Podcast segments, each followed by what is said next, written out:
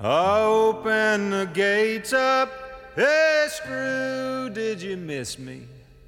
Jimmy, I see that you found a new friend.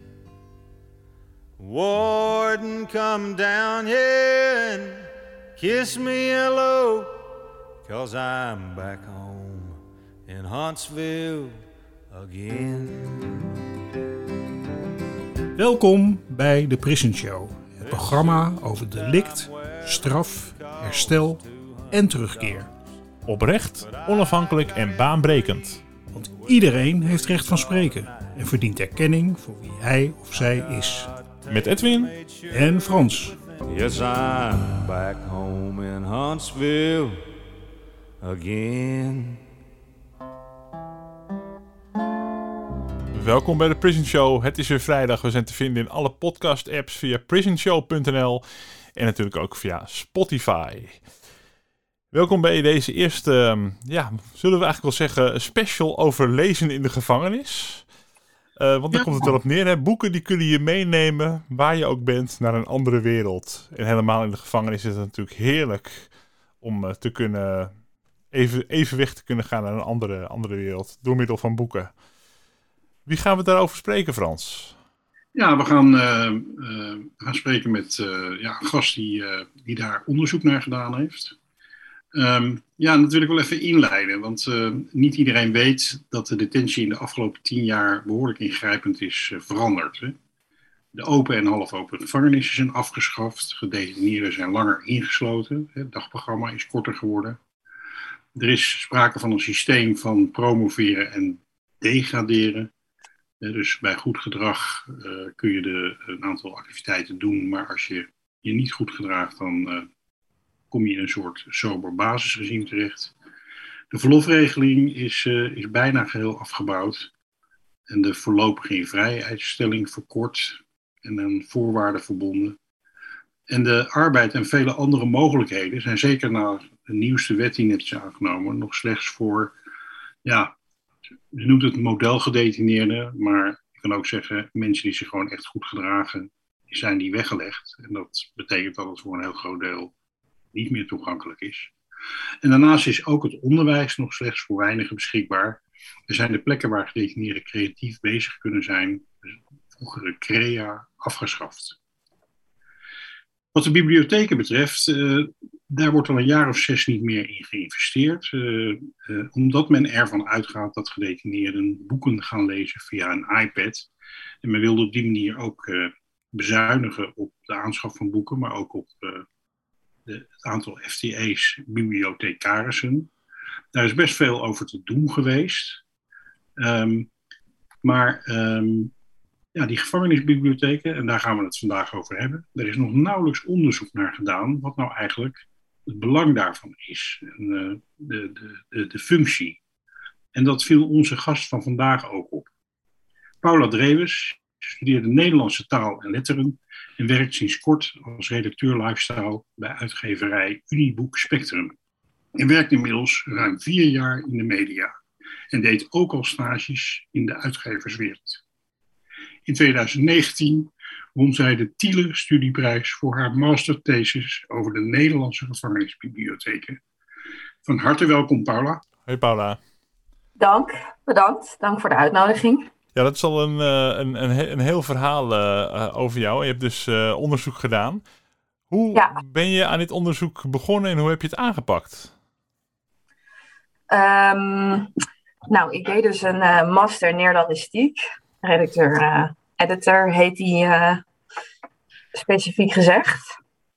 En eh, dus ik ben heel erg vanuit het lezen en de boeken gaan kijken naar wat voor onderwerp wil ik mijn studie mee afsluiten.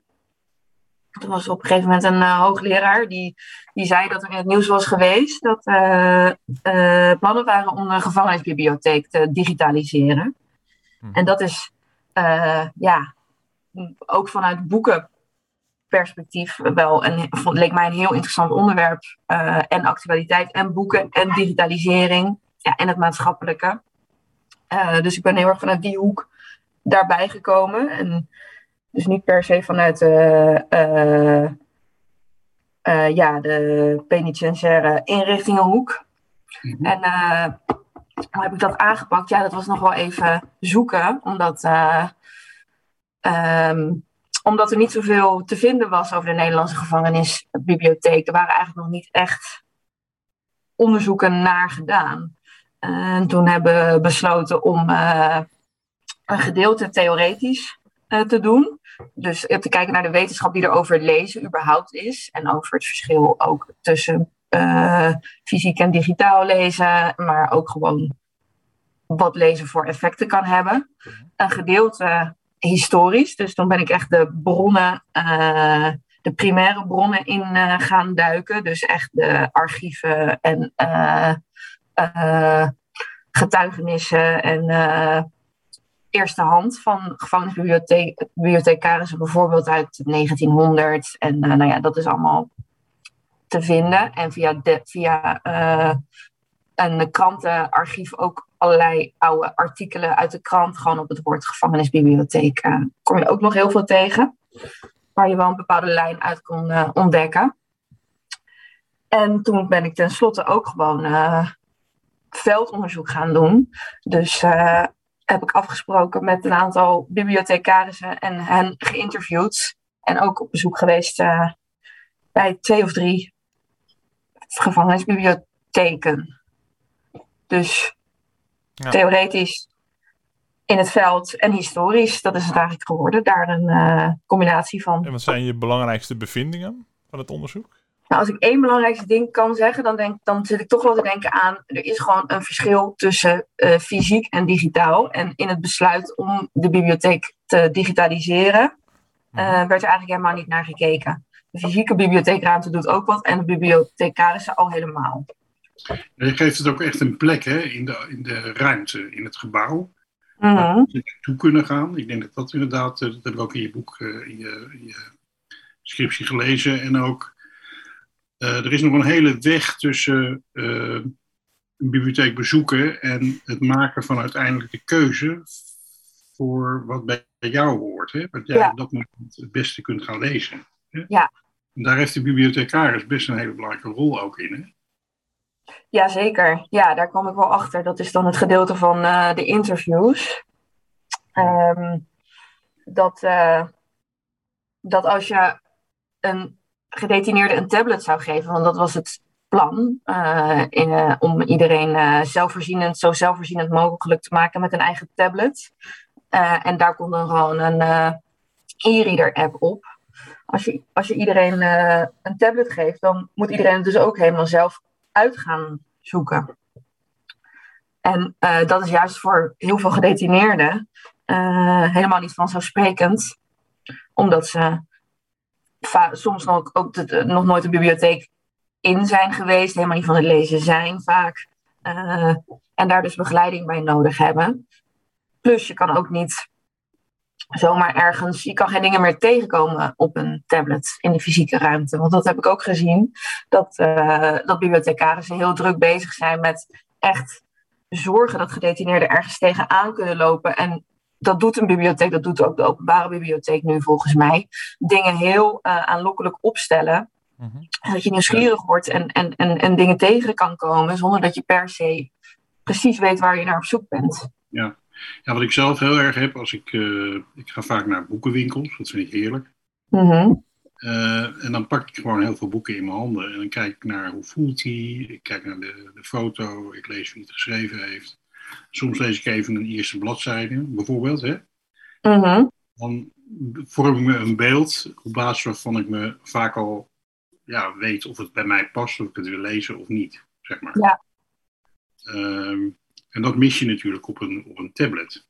Ja. Wat ik ook wel merk is dat, dat eh, het heel, voor mij in ieder geval heel belangrijk is. Of ik in de, de media die ik lees, of de tv-programma's die ik kijk, die over boeken gaan, of soms in een kenniskring, dat mensen uit eigen ervaring vertellen over een boek en ik me daarop kan oriënteren. Hè? Dus voordat we vroeger Ja. hadden, de wereld draait door. En eh, nou, dat was een schrijversrubriek en dat, dat hielp echt bij het maken van een keuze. Hè?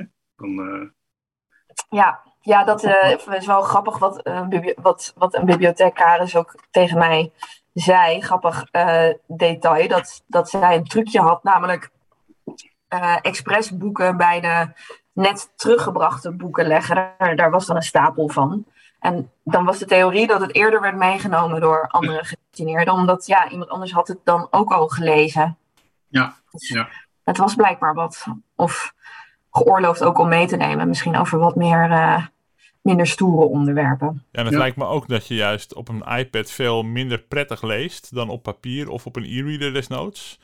Um, dat lijkt me ook een groot verschil. Ik, ik ben ja, ook wel raken vermoeid door een, uh, door een digitaal scherm op een iPad of een telefoon. Daar is onderzoek naar gedaan. Ja, ja. ja, daar is onderzoek naar gedaan. En uh, ja, het klopt wel dat, uh, dat die proefpersonen uh, zich minder goed konden oriënteren. Vooral minder, ja, natuurlijk minder goed weten waar je bent in een boek. Daar, daar, dat is ook wel, iedereen heeft wel een beetje die gut feeling, maar dat is ook wel echt uh, bewezen dat je meer gedesoriënteerd bent op een tablet. Dat je niet meer niet goed ziet waar je bent en uh, ja. et cetera. Ja. ja, wat ik, uh, wat ik ook een ervaring die ik uh, regelmatig ook nu heb, is dat ik heb contact hè, met, met families van gedetineerden bijvoorbeeld ouders van een jongere gedetineerde die in de gevangenis zit. Mhm. En uh, die best een boek zouden willen kopen uh, voor die jongen. Zodat uh, die heeft dan bijvoorbeeld een vraag van hoe kan ik nou... Ik zit helemaal... Eh, ik, ik heb een delict gepleegd. Ik sta ineens helemaal aan de andere kant van de streep. Hoe kom ik hier in godsnaam uit? Uit deze ja. situatie. En dan zijn er bijvoorbeeld een aantal hele mooie boeken geschreven door ervaringsdeskundigen ja. hun eigen pad beschrijven. Hè? Waardoor je geïnspireerd wordt om ook een beetje je eigen weg daarin te gaan zoeken. En dat, dat uh, wat je merkt is dat boeken worden niet ingevoerd. Die mogen niet ingevoerd worden. Uh, bibliotheken, daar is enorm op bezuinigd. Ja. Dus, uh, dus, dat die weg gewoon min of meer afgesloten is. Hè? Om, ja. om, um, om, dat te lezen. En um, ja, ik noem een voorbeeld. Ik heb bijvoorbeeld een, een gedetineerde die ik af en toe spreek. Die is enorm bezig met, um, ja, met zijn roots en waar hij vandaan komt. Hè? En, ja. Uh, hij komt uit onze, onze, onze voormalige koloniën. En uh, daar zijn zijn roots. En op, juist op dit moment zijn er gewoon heel veel mooie boeken die verschijnen. Hè? Bijvoorbeeld over Indonesië. Ja. Over de geschiedenis. Ja, die zijn er niet. Dat is heel actueel hè, op dit moment ja, dan zou je toch echt willen dat zo'n man toegang heeft tot die boeken. Want dat helpt ook echt om, uh, ja. om, het proces verder te komen. En daar heb je wel echt even iemand voor nodig die, die je daar ook ja. in adviseert. Nou ja, op zich, als, als, als hij, hij, hij klinkt wel alsof hij best goed weet wat hij wil. Dus dan zou een tablet prima uitkomst bieden. En, en veel bibliothecarissen die ik heb gesproken, die, uh, die zijn ook helemaal niet tegen e-readers of tablets of wat dan ook. Dat mm -hmm. kan natuurlijk juist als je specifiek uh, weet waar je naar op zoek bent. Uh, of als je een boek doorgestuurd wil krijgen, bijvoorbeeld door je ouders. Mm. Dan zou het uh, perfect zijn. Alleen is het, is het, is het niet zo'n, ja, volgens bibliothecarissen, ja, dat is logisch dat zij dat zeggen. Maar ik ben er ondertussen ook wel van overtuigd geraakt. Is het gaat wel weer een beetje ver om dan een hele fysieke bibliotheek en bibliothecarissen af te schaffen. Maar het zou prima naast elkaar kunnen bestaan. Ja.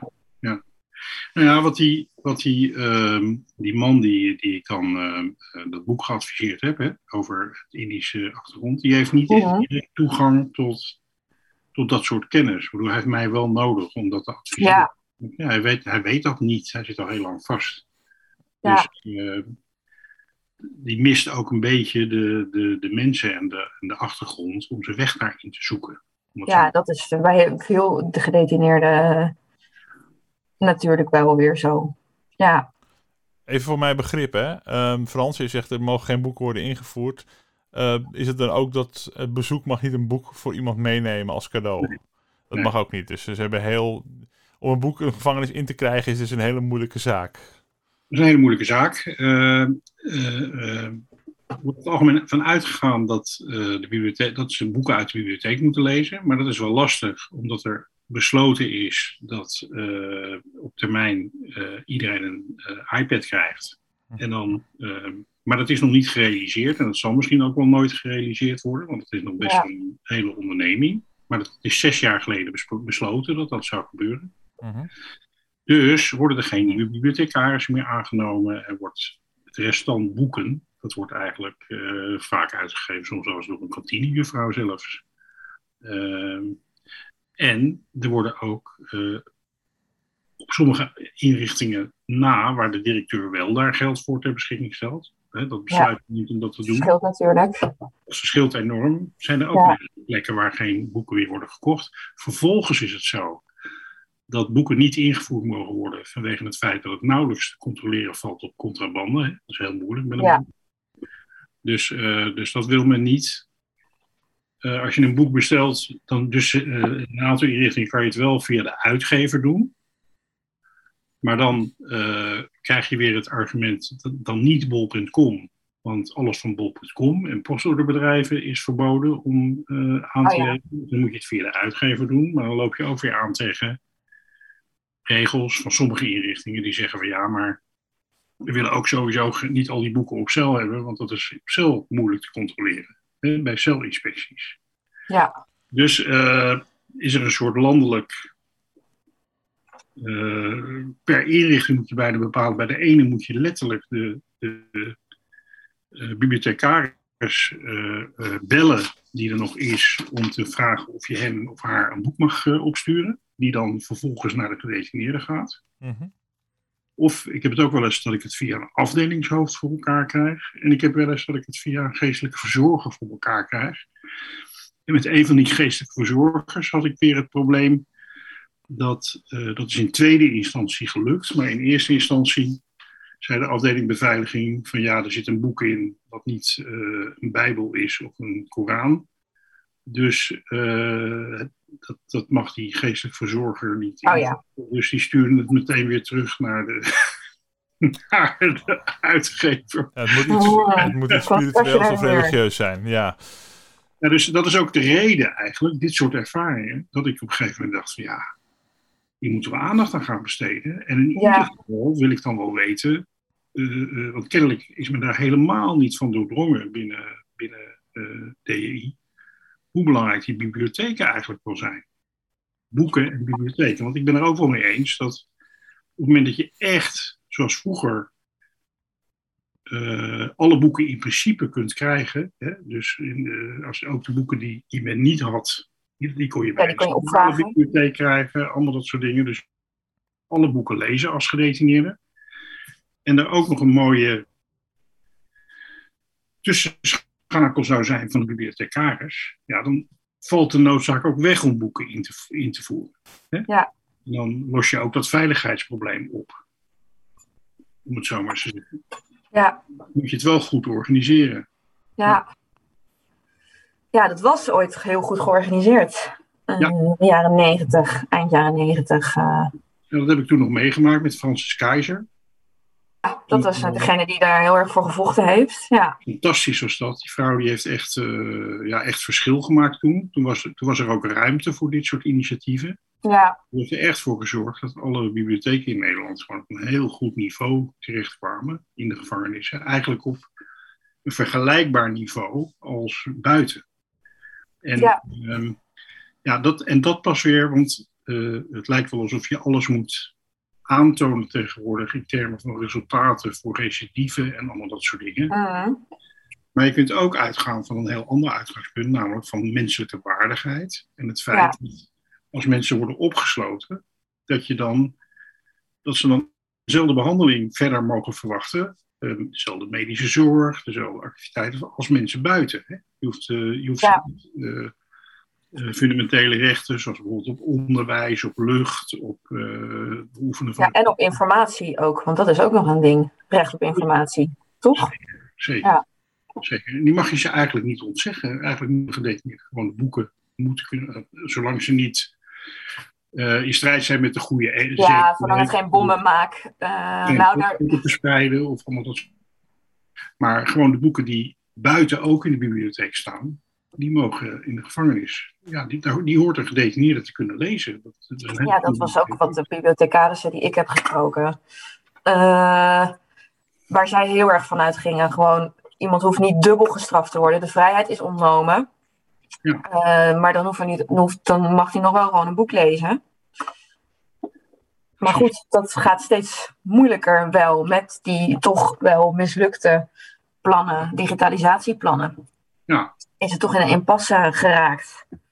Ehm, ja, Ja, en ehm, nou ja, goed. Kijk, wat wij vooral doen is, is eh, een platform bieden aan, aan bepaalde geluiden die in de verdrukking gekomen zijn. En dat is, Mhm. dus ook eh, natuurlijk met dit bibliotheekverhaal. In de hoop dat dat, dat op een gegeven moment ehm, gaat leiden tot, eh, tot een verandering. Hè? Dat de politiek ook wakker wordt en dat er iemand gaat zeggen van ja, maar dat moeten jullie toch anders gaan regelen. Weet je wel? Er is heel veel ophef geweest toen de tijd, toen die plannen eh, naar buiten lekten. Onder meer door uh, Özkan Akjol is er toen uh, column aan gewijd. En zijn er best wel veel stemmen geweest die opgingen. Dat die bibliotheek niet mocht verdwijnen, de fysieke bibliotheek. Ja. Maar Hoe is er eigenlijk vanuit DEI uh, gereageerd op de resultaten van jouw onderzoek bijvoorbeeld? En op die uh, ophef toen de tijd? Weet je dat, weet je dat nog? Uh, nou, op die ophef zijn ook kamervragen gesteld. En uh, ja, dat werd toen toch wel. Ge, er werd gewoon eigenlijk doorgegaan uiteindelijk met de plannen die er waren. Ja. Um, op mijn onderzoek, nee, daar heb ik eigenlijk niks van gehoord qua reacties, om eerlijk te zijn. Er zijn wel wat mensen die een boek hebben besteld, want het is er nu ook in boekvorm. Maar ik heb daar geen reacties op gehad, misschien anderen wel hoor. Ja. Uh, ja, wat ik vooral gezien heb, en uh, we zaten toen, we zitten nog steeds midden in het, uh, in, in het neoliberale tijdperk, waarin vooral geld en positie belangrijk zijn. Hè? Dus Mhm. ik weet dat, dat men gewoon heel simpel zijn, er moet bezuinigd worden. Dat was ja. Ja, uiteindelijk was het wel een bezuinigingsplan, maar het werd verpakt als uh, digitalisering. En uh, de gedetineerden moeten ook met de tijd. En uh, ja, je kan niet eeuwig mensen analoog laten blijven. Dat is op zich wel een interessant vraagstuk. En het klonk, klinkt ook heel positief als ze zeggen: ja. iedere gedetineerde krijgt een iPad. Wat geweldig. Ja.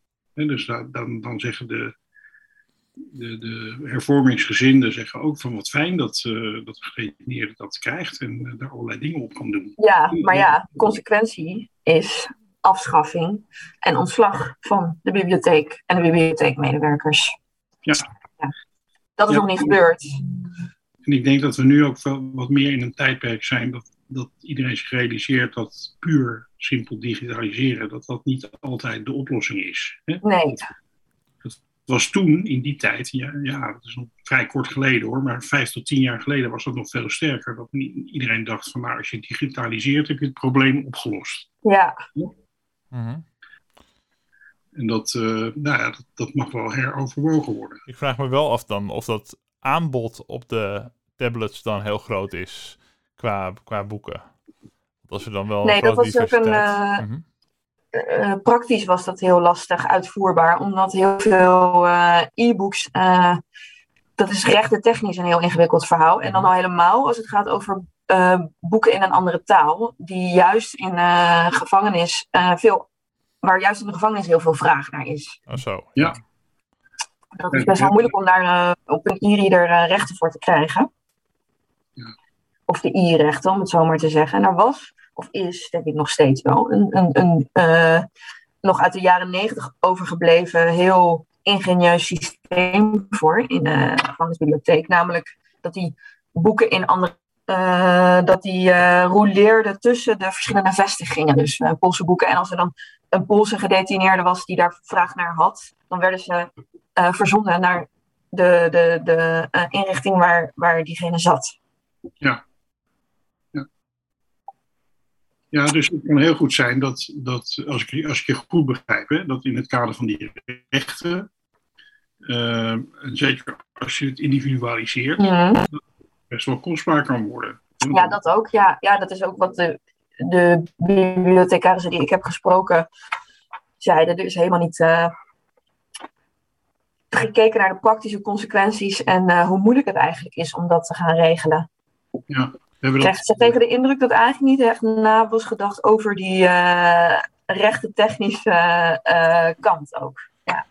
Dat is wel interessant, want dat heb je ook met, met eh, allerlei aanbieders van, eh, zoals Netflix en dat soort dingen. En allerlei Ja. op de televisie. Die, die ook allemaal zeggen van ja, eh, eh, we willen dat iedere gedetineerde gaat betalen die het aangeboden krijgt. Ja, Mhm. Waardoor Mhm. Toen ook gezegd werd van ja, maar dat, eh, dat, dat gaan we dus niet doen. Want dat kan gewoon niet. Je kan niet eh, eh, voor iedere gedetineerde een apart televisieabonnement afsluiten, zeg maar. Mm. Dus dat, dat, dat speelt natuurlijk bij boeken eh idem dito. ja is dat een, dat is dus een, een, een discussie of, of gedetineerden Netflix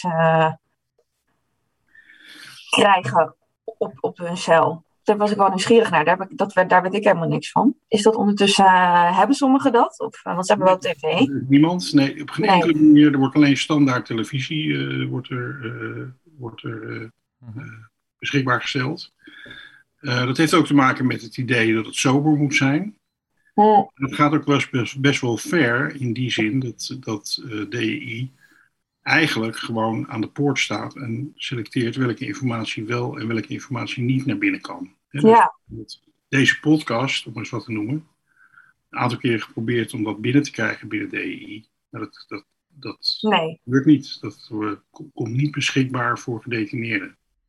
En dat doen ze natuurlijk met heel veel dingen. Dus ook dingen die opgestuurd worden. En noem het allemaal maar op. Dus, dus ja, voor je het weet zijn ze inderdaad allerlei informatie. Dus boeken, eh, radioprogramma's, podcasts. eh, alles wat er nu gemaakt wordt bijvoorbeeld. Ja, Podcast is niet beschikbaar voor gedetineerden. ja, Ehm, nou ja, dat is, ik vind dat vrij heftig. Hè? Omdat, ja, ook. omdat onze samenleving en de informatievoorziening eh, ja, toch steeds meer op die manier gebeurt. En je, en je min of meer dan ook uitgesloten wordt. Ja.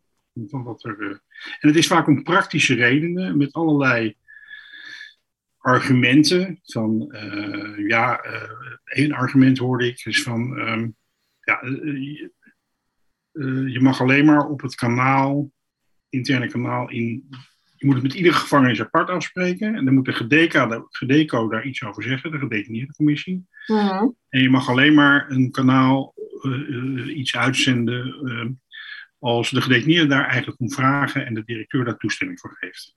Oké, Ehm, ja, als je zo gaat praten, dan zie je dus dat, dat eh, de gedetineerde, hoe moet je de gedetineerde überhaupt aanspreken? Wie kan de gedetineerde bereiken? ja, nee. Naar binnen. Dus dat, Ja. dat is gewoon een weg die volledig afgesloten is, feitelijk. Ja, Dat, dat gebeurt gewoon niet.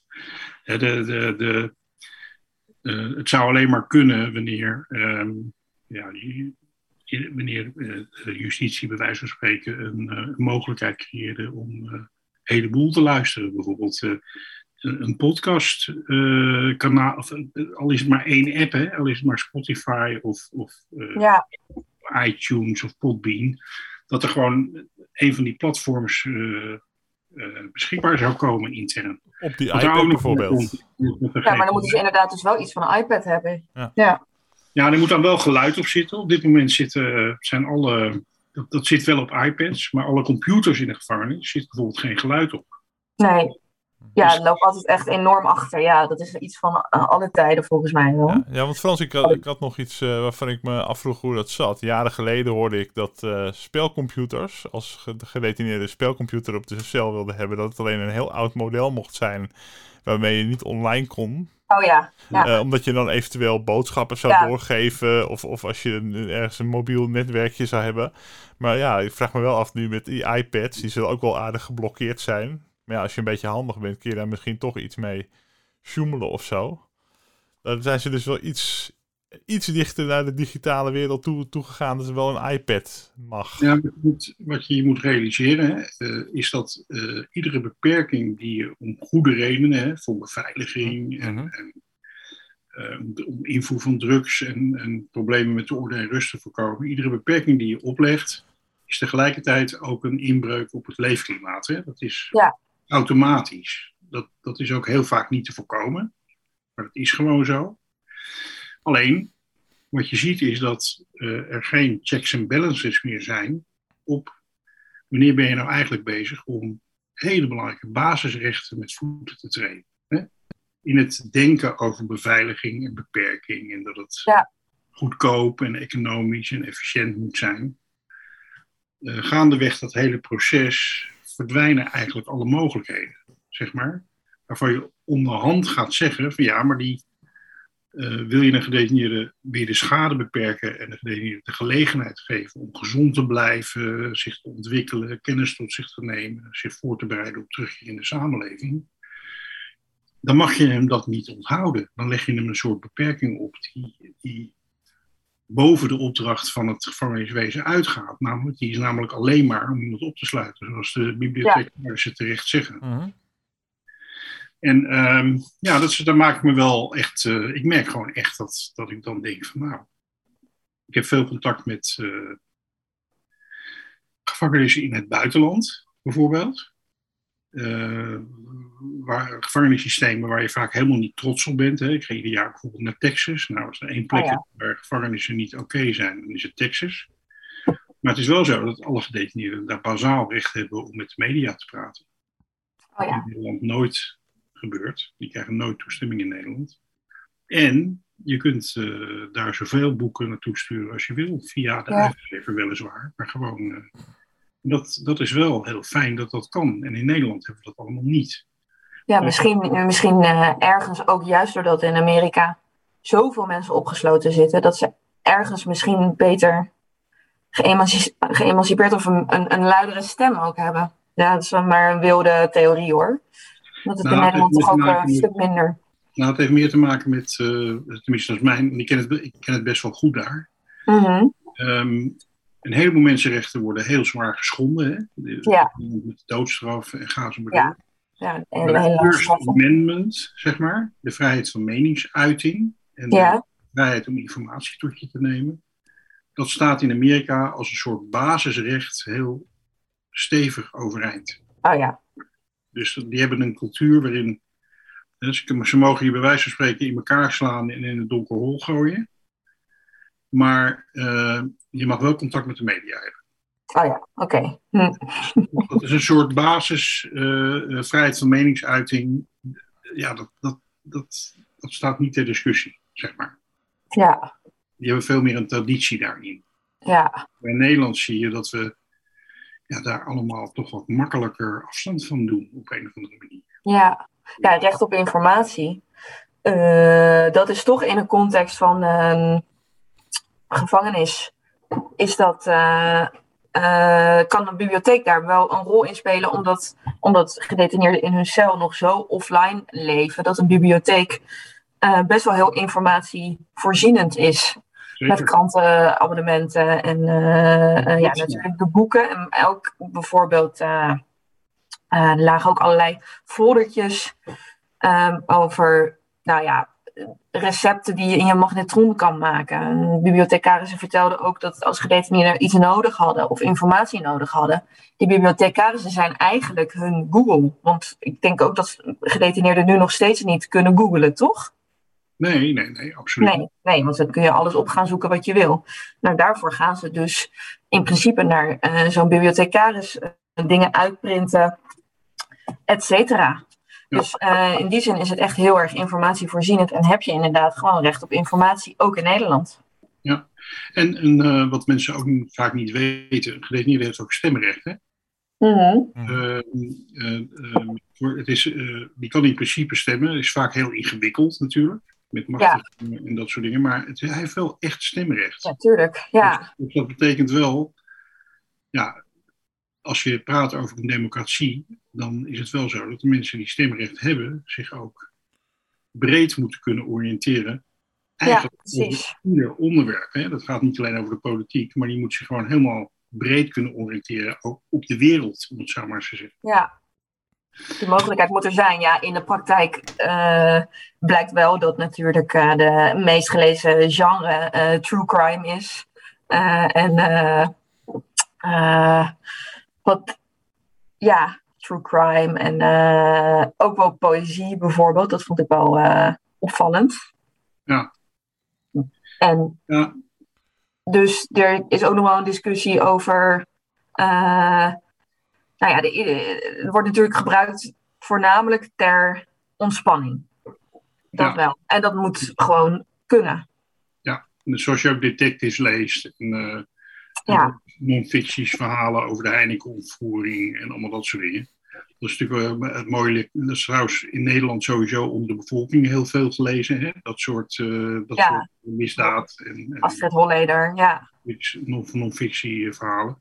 Maar er is ook, wat ook veel gelezen wordt, is bijvoorbeeld eh, het boek eh, eh, van Toon Walraven, Stone is hersteld. Hè? Dat is een man die met een hele criminele carrière, die gewoon ja, andere keuzes gemaakt heeft in zijn leven. Ja. Dat, dat vinden gedetineerden ook heel boeiend om te lezen. En er is heel veel goede Ja. literatuur van ervaringsdeskundigen. Er zijn echt een aantal Ja, wat ik ook begreep is dat er wel een bepaalde mensen die wat langer zitten, dat, dat die bibliothecarissen daar wel een bepaalde lijn in zien van iedereen grijpt eigenlijk eh, bij binnenkomst naar, eh, nou ja, bij wijze van spreken mokkelmafia.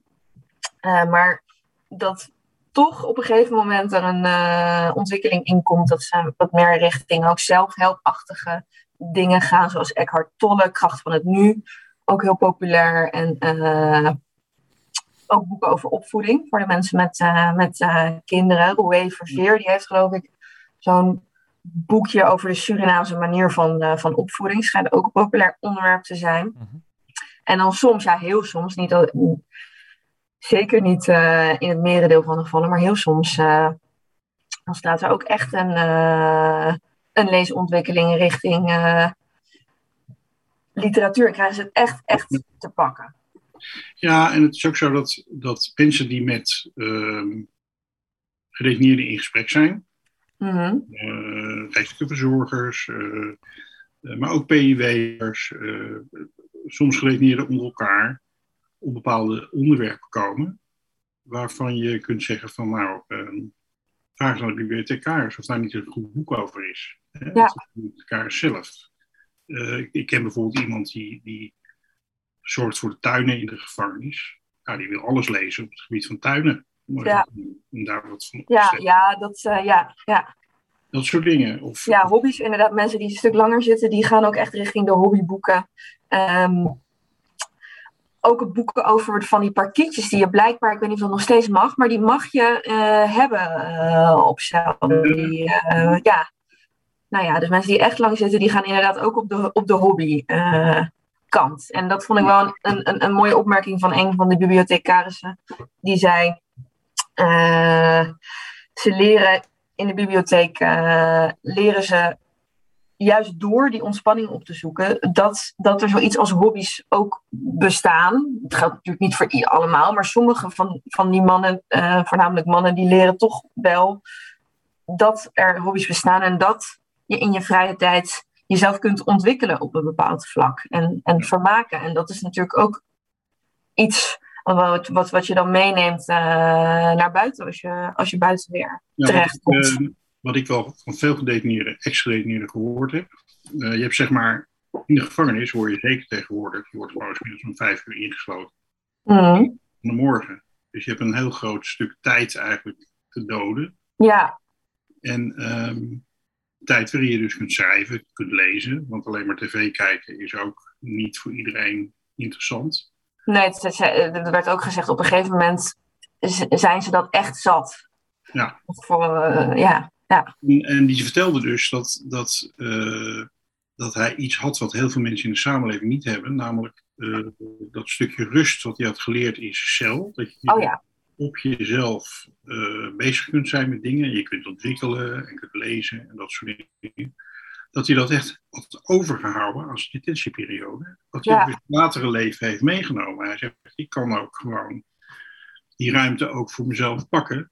Want ik heb geleerd hoe, ik, eh, hoe waardevol dat is. Ja. Zeg maar. Het rustpunt in mijn leven dat ik gewoon een paar uur met dat soort dingen bezig ben. ja. Maar dan moet je wel dus... Ik denk wel dat, het nodig, dat veel mensen het nodig hebben om dan op het spoor van iets gezet te worden. En daar iets van begeleiding in te krijgen. En eh, een boek eh, is dan wel een heel mooi... eh, of ja, een van de manieren om, om je ergens op te storten.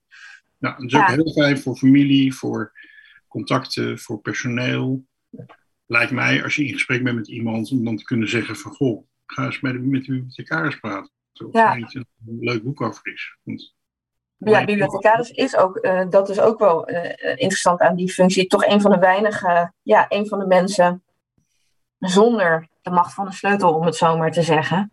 Waardoor er toch ook een ander soort gesprekken ontstaan. En eh, toch een van die mensen, ja, geestelijk verzorger is dat natuurlijk ook. Maar een bibliothecaris is toch weer anders. Die, eh, die daar echt is om een gedetineerde te helpen op het spoor te zetten van iets wat zijn interesse wekt. Ja, Ehm, misschien voor, ehm, eh, voor de mensen die, die, eh, die beleid maken, en de politici en dergelijke. Je hebt natuurlijk al heel veel gezegd over, en wij natuurlijk ook, over het nut van bibliotheken en bibliothecarissen. Mhm. Ehm, zou je nog kunnen, iets kunnen zeggen over wat zou je nou tegen zo'n politicus willen zeggen? Bijvoorbeeld een politicus die zegt van nou, die gevangenen in Nederland die hebben het al goed genoeg. Mhm. Je moet maar iets over slachtoffers horen. Ehm, en de bibliotheek, alles wat je kan bezuinigen erop, dat, eh, dat, eh, dat moet je vooral doen, zeg maar. Dat kunnen we beter aan andere dingen besteden, dat geld. Ja, dat, dan, zou ik, dan zou ik willen zeggen. eh, de straf die een gedetineerde heeft, is opgesloten worden. Zijn vrijheid wordt afgepakt. Straf is niet om dan ook nog eens eh, dubbel gestraft te worden en eh, eh, dat hij zeg maar zoveel mogelijk moet gaan vervelen. En het lijkt me ook geen goed idee om iemand zich zoveel mogelijk te laten vervelen en zo sober mogelijk op te sluiten. Dan creëer je al helemaal. ja. Nou ja, monster zou ik niet zeggen, maar dan, ik bedoel, dat is gewoon niet bevorderlijk. Terwijl ik ook denk dat een bibliotheek, naast dat ik geloof dat een gedetineerde gewoon recht heeft eh, om eh, op informatie en op ontwikkeling en op eh, ook gewoon zich kunnen ontspannen.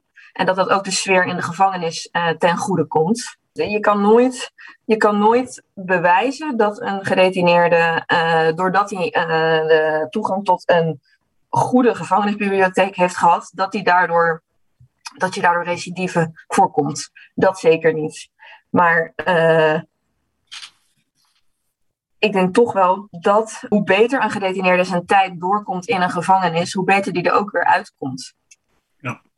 Ja, En dat als iemand helemaal gefrustreerd van een zo sober mogelijk regime en totaal verveeld zo'n gevangenis uitkomt, zonder dat hij heeft geleerd eh, of geleerd, of zonder dat hij zich heeft kunnen ontwikkelen, door middel van boeken of wat dan ook, eh, dat je toch eerder recidive zou hebben. Maar je kan, het nooit, eh, je kan dat nooit Ja. helemaal bewijzen, dat is wel zo.